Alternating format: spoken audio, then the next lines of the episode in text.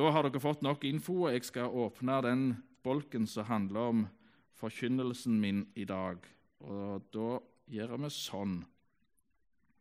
Det høres, det høres verre og verre ut, det jeg har på skjermen her. Så jeg vet ikke om jeg får lov å komme igjen her. Um, men det skal ikke handle så mye om disse karene og damene her. De kunne vi sagt mye fint om. For hvis du har fulgt med i serien, så tror jeg mange av oss Jeg har ikke fulgt med i alle program, jeg er nødt til å si det. Men det, det er en flott serie. De prøver å bygge vennskap, og de griner så tårene spruter når de må reise derifra. Og det ser ikke ut som de blir uvenner og, og egentlig konkurrenter. De blir bare venner. Så det er mye fint med den serien. Men det skal jo selvfølgelig ikke handle om årets vinner eller en av de andre heltene. Bjørn Einar, som kanskje var den moralske vinneren i år. Men i alle fall, i dag handler det selvfølgelig om Jesus igjen. Det var jo ingen overraskelse.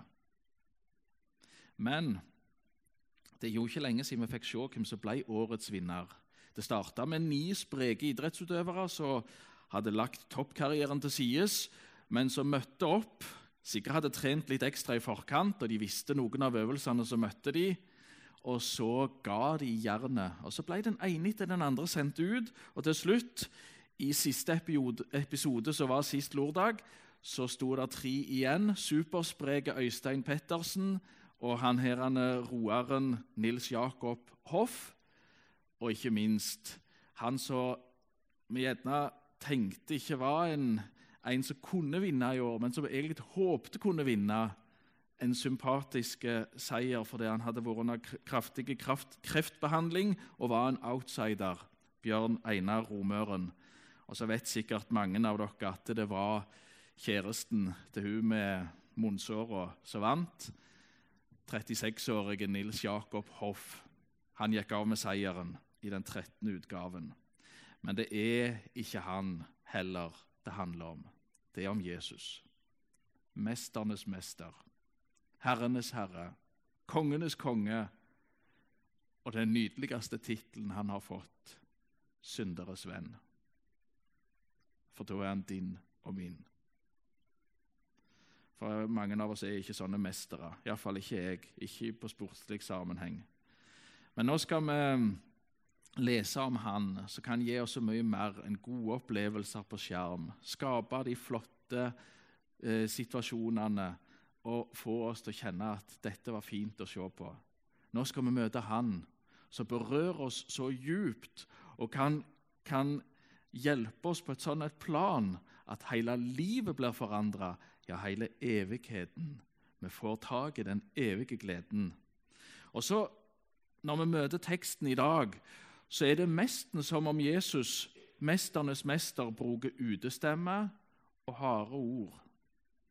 Men når jeg har brukt en del tid med denne teksten, for det er ikke den letteste teksten, så har jeg merka tydeligere og tydeligere Jo, her ligger en sterk og en kjærlig invitasjon, kjærlighet, åpne armer og en himmelske lengt etter hver og en av oss i denne teksten. Vi leser fra Lukas 13, fra vers 22.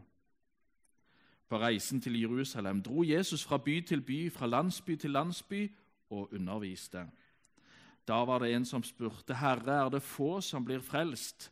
Han sa til dem, 'Kjemp for å komme inn gjennom den trange dør.' For jeg sier dere, mange skal forsøke å komme inn, men ikke klare det. Når husherren først har reist seg og lukket døren, og dere blir stående utenfor og banker på og sier, 'Herre, lukk opp for oss', da skal han svare, 'Jeg vet ikke hvor dere er fra'. Da vil dere si, 'Vi har jo spist og drukket sammen med deg, og du har undervist på gatene våre.' Men han skal svare, 'Jeg vet ikke hvor dere er fra.' Bort fra meg, alle dere som gjør urett. Der skal dere gråte og skjære tenner når dere ser Abraham og Isak og Jakob og alle profetene i Guds rike, mens dere selv blir kastet utenfor. Fra øst og vest og fra nord og sør skal mennesker komme og sitte til bords i Guds rike. Da skal noen som er de siste, bli de første, og noen som er de første, bli de siste. Himmelske Far, dette er ditt ord til oss. Hjelp oss ved din hellige ånd å forstå og ta på alvor og finne trøsten og invitasjonen i det du, Jesus, sa den gangen for så lenge siden, og som med, så du i dag taler til oss igjen. Amen. Jesus, han er min helt. Tenk at vi har en som vi kan kalle for mesternes mester, herrenes herre, kongenes konge og altså synderes venn. Han er min helt. Jeg tror du er enig med meg, håper det i alle fall, og sier det samme. I denne situasjonen, når vi møter denne teksten, så hadde Jesus reist fra by til by, fra landsby til landsby, og han underviste, står der. Og så er vi jo ikke helt sikre på hva, hva som var undervisningen hva som var overskrift over hans forkynnelse. Men vi aner jo at det må ha handla om, om frelse, om innbydelse, om å si til mennesker Kom til meg, alle som strever. Jeg kan gi dere hvile, jeg kan gi dere framtid, jeg kan gi dere håp. Og Det er jo ganske heftig å ha en sånn en venn som kan si noe sånt. Og Jesus, når du møter han i Bibelen, så han snakker jo om seg sjøl på en måte som er stikk i strid med vår måte å tenke på, vi som er opplært under, under janteloven. Av og til Hvis vi har sånne venner som bare bruker store ord om seg sjøl, så får vi nesten litt avsmak til slutt. Sånn har det ligget i mange av oss. Hvordan kan Jesus være vår helt? Jo, fordi vi merker at alt det han er og har, det bruker han bare på deg og meg. Alt det vi leser om Jesus, det er at han gjør alt han kan, gjør alt han har, bruker all sin tid på å invitere, berge og frelse. Og Da er det godt å ha en sånn en helt, en som er allmektig, en som kan alt, og en som elsker selv om han vet alt om oss. Så kommer han altså inn til en by da, der det er en som begynner å stille spørsmål det hender jo av og til når jeg også forkynner at noen rekker opp hånda og har et spørsmål. Det er ikke mange som tør, men det skjedde denne dagen. Kanskje de hadde sett seg under ei daddelpalme for å finne ly for sola. Eller kanskje sola allerede var gått ned, og de så rundt en, et bål på en gårdsplass. I alle fall så lytta de. Og Så var det en som plutselig brøt stillheten, for han hadde et spørsmål. Han eh, undra seg på hva er dette her frelsesbudskapet Hva er det for noe? En av disse tilhørerne han kjenner kanskje at han blir litt urolig må kanskje åpne knappen i skjorta si, for kjenner han blir litt varm og litt usikker. Det er et viktig spørsmål, og til slutt så hiver han seg frampå og så spør han, er det få som blir frelst. Det er nesten som du hører i disse dager når du når du snakker med noen som har tenkt seg på en fotballkamp eller en konsert eller et eller annet arrangement, og så har noen sett at snart er alle billettene utsolgt. Da er folk raskt frampå. Men hvis andre beskjeden kommer at å, det er mange billetter, det er tusenvis, det er ingen grenser, du kan bare vente, ja, så er det noen av oss som venter til siste liten. Sånn er vi lagd noen. Så det er akkurat som han lurer på er det mange billetter til himmelen? Er det få eller mange? Kanskje han hadde tenkt å vente hvis han fikk vite at det var mange. Og Kanskje akkurat er det derfor at Jesus lar dette spørsmålet henge litt i lufta en stund. Er det mange som blir frelst? Og Så svarer egentlig Jesus aldri på det. Jesus vil at alle skal bli frelst. Alle sammen. Og han døde for all verdens synd. Og Så vet vi at Jesus han grein iblant. Og Jeg tror faktisk Jesus gjør det ennå. Jesus berøres av de mennesker som i vår tid òg går bort ifra han, som møter kallet hans, møter invitasjonen hans, men vender seg bort ifra han.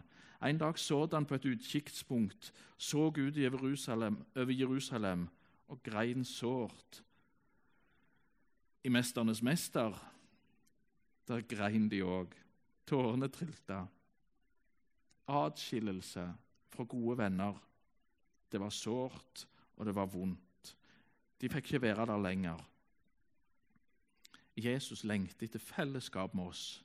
Jesus har planlagt ei framtid sammen med deg og meg og med alle mennesker rundt oss. Men noen har ikke sagt ja til å gå inn i den framtida, og det smerter Jesus. Jesus svarer ikke med tall. Og i min tanke, sikkert fordi jeg nettopp var i liker å se litt sport på fjernsyn. Jeg er ikke så sportlig sjøl, som jeg prøv, prøvd å sagt et par ganger. Men litt fordi at jeg òg nettopp var i Sirdalen, som jeg sa. Når jeg leste denne teksten, så er det akkurat som jeg ser litt på idretten. Og så er det akkurat som jeg ser at Jesus han, han flytter ikke fokus på antall, men han flytter fokus over på startstreken, på løypa og på målstreken. På den trange døra der framme. Og hva slags dør er den trange døra, da? Og Det er da jeg tar dere med tilbake til vinterferien min oppe i Sirdal sist helg. Da vi bodde på Åmli, søndagsskolen sitt tun. Vi var sju familier i sammen og hadde, vel, hadde det veldig flott i sammen. Og så var jo været så godt. Da var vi et par ganger oppe på Sirdal skiklubb sitt, uh, sin arena, som heter Sirdal skiarena, tror jeg, på Kjørom. Med lysløype, med standplass og sånn skyte, skiskytterarena. Det er så flott der oppe. Og så var det jo så nypreparerte løyper og nesten ikke en eneste stein. Det så ut som alle disse idrettsutøverne hadde tatt ferie, som vi var nesten alene med i vår gjeng. De av oss ikke ville gå de lange løypene, for det, jeg blir ikke med på sånne lange løp. Det, det, er ikke helt for meg. Men vi var den plassen der det var så lett å finne en plass å sitte. Så kunne vi gå en liten runde sånn, eller en litt større runde sånn. Og bare hold dere fast. Jeg, jeg klarte altså fire mil. Jeg, jeg syns det er bra når jeg legger sammen de, de fire dagene jeg var i løypa. Iallfall hvis det stemmer, det som sto på skiltet. Men jeg ble så imponert da jeg satte meg ned og skulle nyte nistematen min ene dagen. Der vi så rett bort på skiarenaen. Og fem unge gutter som hadde med seg trenerne sine. og Så trente de på skyting, og så trente de på, på å gå runder. Og De hadde bare noen ganske små runder de gikk. Og Så tok den ene treneren og bare gikk med foten og lagde en strek i snøen. Og Så sa han bare gå en runde sånn. Og hvis dere må gå strafferunde, så går dere en runde sånn. Ikke rundt pianoet, altså, men han var litt lenger. Og så, så var det sånn det var. Startstreken og målstreken var den samme. Og Så setter de av gårde. Og så var det så imponerende, for jeg hadde jo sett disse her når jeg hadde min runde opp gjennom litt tidligere, hvordan de føk forbi meg, de små tappene, i et supertempo uten like. Så fart i løypa hadde de, men de skulle hatt mer skytetrening. Men det kan jeg ikke heller hjelpe dem med. Spreke ungdommer. Startstreken og målstreken var den samme. Sånn er det i Guds rike òg. Startstreken og målstreken er den samme. Det er Jesus. Skal du være på veien mot livet, skal du ha framtid og evig liv framfor deg, så må du begynne å se Jesus, så må du leve med Jesus, og så skal du krysse målstreken i sammen med Han. Den veien du begynner på når du kommer til Jesus og gir livet ditt til Han, så du enkelt kan gjøre i bønn. Om bønna blir krøkkete, ja, så ikke bry deg så mye om det. Hvis ditt hjerte er i den bønna, for du vil være Jesus sin, ja, så legger himmelen merke til det og ser forbi krøkkete formuleringer. Dere husker røveren på korset som ba om en tanke? Det var ei dårlig bønn. Ingen av oss trodde at det gikk an å bli frelst med å be om en tanke. Men Jesus så at hjertebønna hans var et rop om frelse i en fortvila situasjon. Og alle som trenger Guds frelse, de blir lagt merke til. Om ordene stokker seg, men er hjertebønna 'Jesus, jeg vil komme til deg'. 'Jesus, jeg trenger deg'. 'Jesus, kan jeg få begynne livet mitt sammen med deg i dag? Ja, så står du der på startstreken sammen med Jesus. Og så er det ikke sånn som så trenerne i Sirdalen som bare sto og, og ropte og, og heia. Nei, Jesus vil gå med deg, gå med deg hver eneste dag. Du skal ikke ta ett steg alene. Og så kaller han deg inn på himmelveien. Den veien som er annerledes enn alle skiløyper, alle riksveier, alle motorveier, alle turstier, treningsløyper, der du og meg må stå for framdriften sjøl, enten ved å ordne oss en bil med motor eller strøm eller diesel eller bensin, eller vi må gå og ha fått i oss god mat og fått krefter i oss. Da er det vi som står for energien, men på himmelveien er det annerledes, folkens. For Jesus sier i Hebreerbrevet 10 at han har åpna en vei, og det er en ny vei og det er en levende vei. En ny og levende vei. Og vi som skal gå på den veien, vi som skal være på himmelveien, vi blir oppfordret til å kjempe. Ikke i form av framdrift, i det å mane fram krefter eller trene oss til framdrift og fart og utholdenhet. Nei, vi blir først og fremst utfordra til å sette oss ned og lytte, og til å la vårt hjerte, vår tanke og vår sinn bli berørt. For det er først og fremst en kamp med vår egen tanke, våre instinkter. Vi som vil gjøre oss fortjent alltid. Vi som vil stå for framdriften sjøl. Vi som vil fikse alt på egen hånd. Vi som vil gjøre oss fortjent. Vi som vil vinne våre egne seire. Det er instinktet i oss mennesker. Derfor må du ta tanken til fangen og legge deg ned ved Jesu føtter. Derfor må du eh, kjempe med din egen lyst til å gjøre deg fortjent og si 'Jesus, jeg trenger nåde'. Jesus, jeg trenger at du drar meg. Jesus, jeg trenger at du fikser alt for meg. La meg bli avhengig av deg. Det er vår kamp. For det folket som trenger Jesus, det er folket som er avhengig og så daglig abonnerer på Hans nåde, det er folket som blir med Han på den nye og levende veien. Du har sikkert vært på Gardermoen, sett disse her lange eh, rullebåndene som du kan gå på. Ja, ikke de, ikke de med koffertene. Du går jo ikke der, selvfølgelig. Hvis du ikke visste det, så bør du få det med deg. Men de som er så lange, vet du, de lange gangene Det er alltid noen som skal liksom vise til oss andre som står der og, og siger forsiktig fram gjennom. Det er alltid noen skal vise at de er så spreke, så de skal gå raskere enn oss på sida. Det, det, er fascinerende å se på. Bare legg merke til dem. Men det er litt oss mennesker, det. Men Jesus kaller oss til å komme til Han. Komme til Han. Bli værende hos Han. Bli avhengig av nærheten til Han. Hans nærhet, Hans nåde, Hans frelse. Det finnes blindveier. Og blindveiene de, de fins i oss sjøl. Men veien er Jesus. Blindveiene fins i oss sjøl. Det er derfor vi på retreat ikke gjør sånn som så yoga eller mange andre sånne kurs eh, inviterer til å grave inn i seg sjøl, inn i sin egen tanke, inn i sitt eget hjerte. Når vi har retreat, så gjør vi iallfall sånn som retreatbevegelsen i Norge starta. Det er forskjellige typer retreat i dag som inviterer til mye som skal grave i deg sjøl. Men vi inviterer til å åpne en bibel, hente krefter og hente nåde utenfra oss sjøl. Og Det er det det handler om. Jeg tror det er derfor du er kommet her i dag. For du har så lyst til å møte Jesus. Har så lyst til å være tilkobla himmelen så han kan tilføre deg sin nåde, sin kraft, og at du kjenner at ja, dette vil jeg gjøre i morgen òg.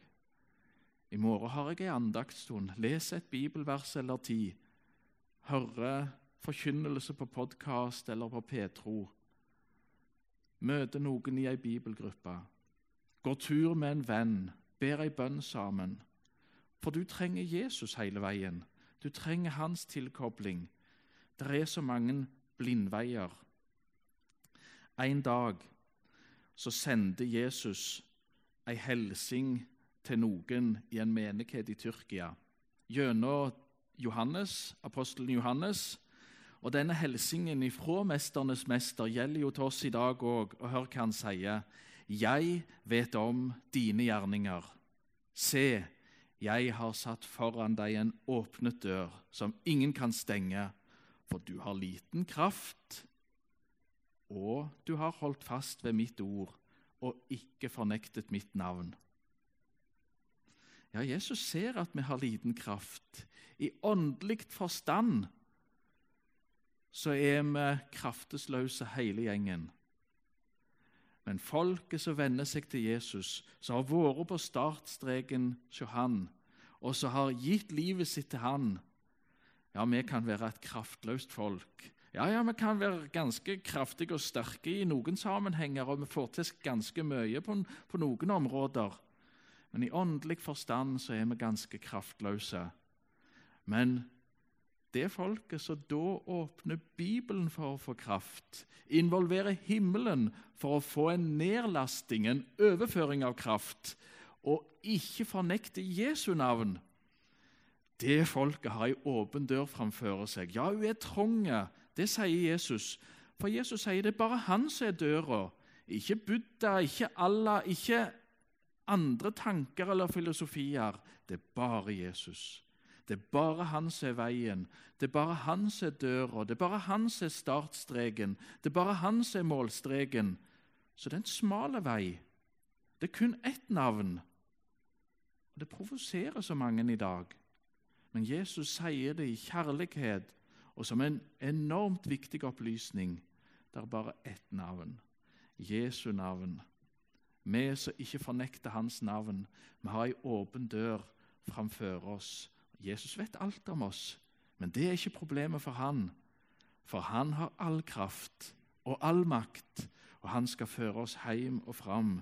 Vi som har vært på startstreken, vi som er på den nye og levende veien, vi er på vei mot den åpne døra. Så husk det, folkens, at selv om teksten som vi leste i dag, hørtes ut som at Jesus levna frelsesmuligheten som en liten mulighet, så gjør han egentlig ikke det. Det er åpent for alle. Men husk å komme i Jesu navn.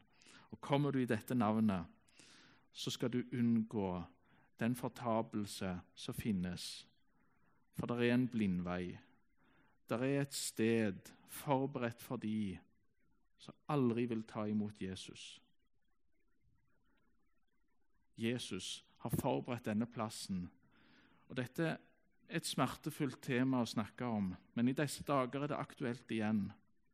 Når vi ser ondskapen i sin grusommeste form utspille seg i vårt Europa Hva er dette for noe, at dette skjer igjen? Har vi ikke lært? Har ikke vi mennesker kommet lenger? Hvorfor er det så mange ting som går i oppløsning i heim, arbeidsliv, nabolag, krangel, folk som føres til domstolene, drap, vold, mishandling. Hvorfor hører vi om dette hele veien? Har vi ikke kommet lenger? Jesus, vår himmelske Far, hater synd. Og han har sagt han vil lage ei framtid for oss han har fredstanker for oss. Han vil gi oss framtid og håp. Derfor så setter han en strek en dag og sier at inn bak den trange port kan ingen komme som ikke har villa bli forvandla ved en ny fødsel og ved det under som Jesus skal gjøre i oss en dag, at vi aldri mer skal kunne være i stand til å gjøre synd. For det er det som er himmel. For vi klarer faktisk lage et helvete iblant oss av og til, vi mennesker her på jord. Fordi vi gjør så mye elendighet og kvalme. Og det grusomste vi ser i Ukraina nå, det er så, det er så vanvittig å se på, se på. Og så aner vi hvorfor Gud en dag er nødt til å sette en strek og si hit, men ikke lenger. Det er en trang port. Dere må gå gjennom Jesus, for han er den eneste som kan sette en strek for alt, så du aldri mer skal såre kona di eller noe annet menneske, deg sjøl eller din himmelske far. For synd påfører deg sjøl smerte, menneskene rundt deg smerte, og din himmelske far smerte. Gud lengter etter ei bedre framtid. Derfor er Jesus det eneste navnet som kan frelse. Eneste åpne porten inn til himmelen. Eneste måten å leve et liv som har himmel over seg. Gud må ta et oppgjør. Sette en strek. Ellers fantes ingen himmel.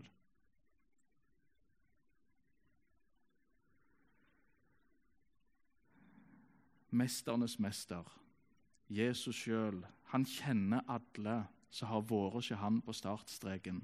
De som har kommet til han, han kjenner de. Og han kjenner folk bedre enn han Steinar Alnes kjenner han eh, hekkeløperen, eller Gjert kjenner sønnene sine som har trent de i mange, mange år. Gud kjenner deg mye bedre som har vært tett på hans startstrek. Han kjenner deg. Han har telt hårstrå på hodet ditt. Han vet om dagsfølelsen din hver eneste dag. Han vet absolutt alt om deg. Jesus kjenner deg, og han sier at når han går ved de side, så er han som din hyrde. Han leder deg med sin kjepp og sin stav hele veien. Han har omsorg for deg. Han forstår deg når ingen andre gjør det. Han vet alt om deg. Han står ved din side, kaller seg for din hurde, og han har skapt deg, og han er i ferd med å elske deg med en evig kjærlighet og skal gjøre det i all evighet. Så er det altså noen som får høre ifra han, som kjenner sine inn og ut. Jeg vet ikke hvor du er ifra. Jeg vet ikke hvor du er ifra. Noen har eh, aldri vært hos Jesus, aldri gitt livet sitt til han. Men han kaller, og han lokker, og han drar. Og det er vårt oppdrag. Jeg hørte, jeg synes det var så fint det noen sa, at vårt oppdrag som kristne er å opprettholde ryktet om han. Spre ryktet om han, han som er fredsfyrsten, han som er veien, han som er porten, han som er døra opprettholde ryktet om han. For heldigvis hører vi òg at det er mennesker som i sin siste fase her på jord gir livet sitt til han. Sånn som så røveren på korset. Ba i krøkkete bønn i tolvte time, og det ble sånn en fest i himmelen. Jesus tok seg tid til å Jeg tror nesten Jesus smilte et smil midt i smerten der på korset og ropte ut kort etterpå det er fullbrakt for dere. Vi, vi er blitt et seiersfolk. Vi som tror på Jesus, er blitt et seiersfolk. I en gammel sang som vi har sunget mye på bedehuset, så sa vi gjerne det at vi kommer ifra syndsforlatelsens rike. Og det er sannelig et godt rike å tilhøre. Det høres ikke så forlokkende ut. Det klinger ikke så bra i mange sitt navn. I sine ører, mener jeg. Men du som vet at du har en venn som har tilgitt deg alt, som har dødd på korset for alt. Du fryder deg over å komme ifra syndsforlatelsens rike og tilhøre det riket. Og det gjør jeg òg. For det er det det handler om. Jesus, han gjør alt for meg. Går ved min side tilgir min synd, løfter meg opp hver eneste gang jeg faller, og gir aldri opp. Sånn er min Jesus. Og så ble de jo sendt hjem, de som deltok på 'Mesternes mester'. Mange av de fordi de ikke takla nattesten. Dere pynta så fint til påske, som minner oss om når Jesus gikk inn i nattesten, skjærtorsdag, da han sa det høyt og tydelig Hvis det er meg dere er kommet for å ta, så la alle mine venner gå fri. Jesus tok min plass. Jesus gikk inn i natthesten for meg. Jesus ble lagt, pålagt all mi synd og skyld. Tenk, det som jeg aldri klarer å være i stand til, for jeg merker ikke engang alt det jeg gjør mot mine nærmeste og mot Gud og mot meg sjøl. Jeg merker ikke all min synd engang, men alt det var lista opp og lagt på Jesus på korset. Alt i sammen.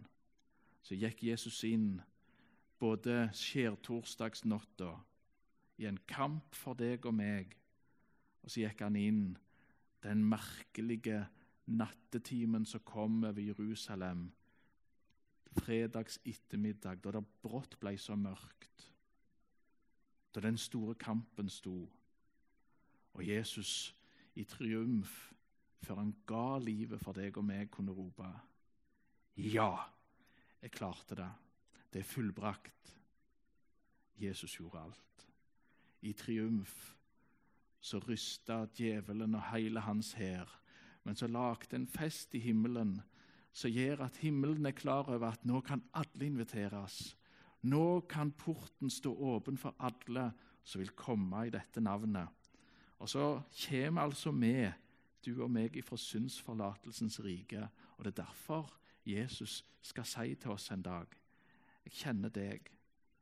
For du har jo mange ganger vært og spurt om tilgivelse for det galne du har gjort. Jeg kjenner deg igjen.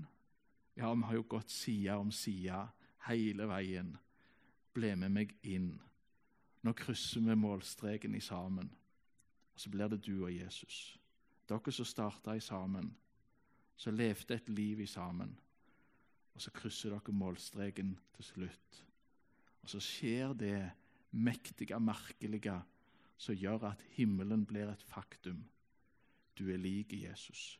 Du kan aldri mer gjøre synd. Joni Eriksson Tadas er lenka til en rullestol. Amerikanske kvinner som noen av dere har lest eller sett eller hørt mye fra. Hun er en sterk forkynner. Hun sier det. Jeg lengter til himmelen, ikke fordi at jeg lengter til å bli kvitt rullestolen min og kunne gå på føttene mine, men jeg lengter til himmelen, for jeg har ikke lyst til å gjøre synd mer. Det er himmel. Og det er det bare Jesus som kan hjelpe oss med. Og sannelig han kan, og han vil. Derfor er hans hender utdrakt til oss i dag. Jesus, takk for at du vant nattesten for oss. Takk at det er en åpna himmelport der framme. Takk for at du er startstreken. Du er den levende veien. Du er målstreken. Jesus, nå har vi ei viktig bønn. Hjelp oss å være et folk som sprer rykte om hvem du er. Hvor stort håp du har, hvor åpne armer du har, hvor vidåpen den trange porten er der hjemme en dag så alle kan gå inn i hvis de bare kommer i lag med deg. Jesus, takk at jeg fikk høre om deg. Hjelp at, hjelp at ungene på Havana, hjelp at oss som er her, blir berørt av deg og ditt budskap. Og så ber vi La oss hjelpe oss å spre smitten, ryktet om deg, vi, vi lengter etter en smittetopp. Vi lengter etter vekkelsestider, Jesus, der folk i Rogaland, i Verdalen, på Klepp kan få komme til deg, Jesus. Finne håpet ditt. Jesus, hjelp oss å opprettholde ryktet og være med og spre det. Amen.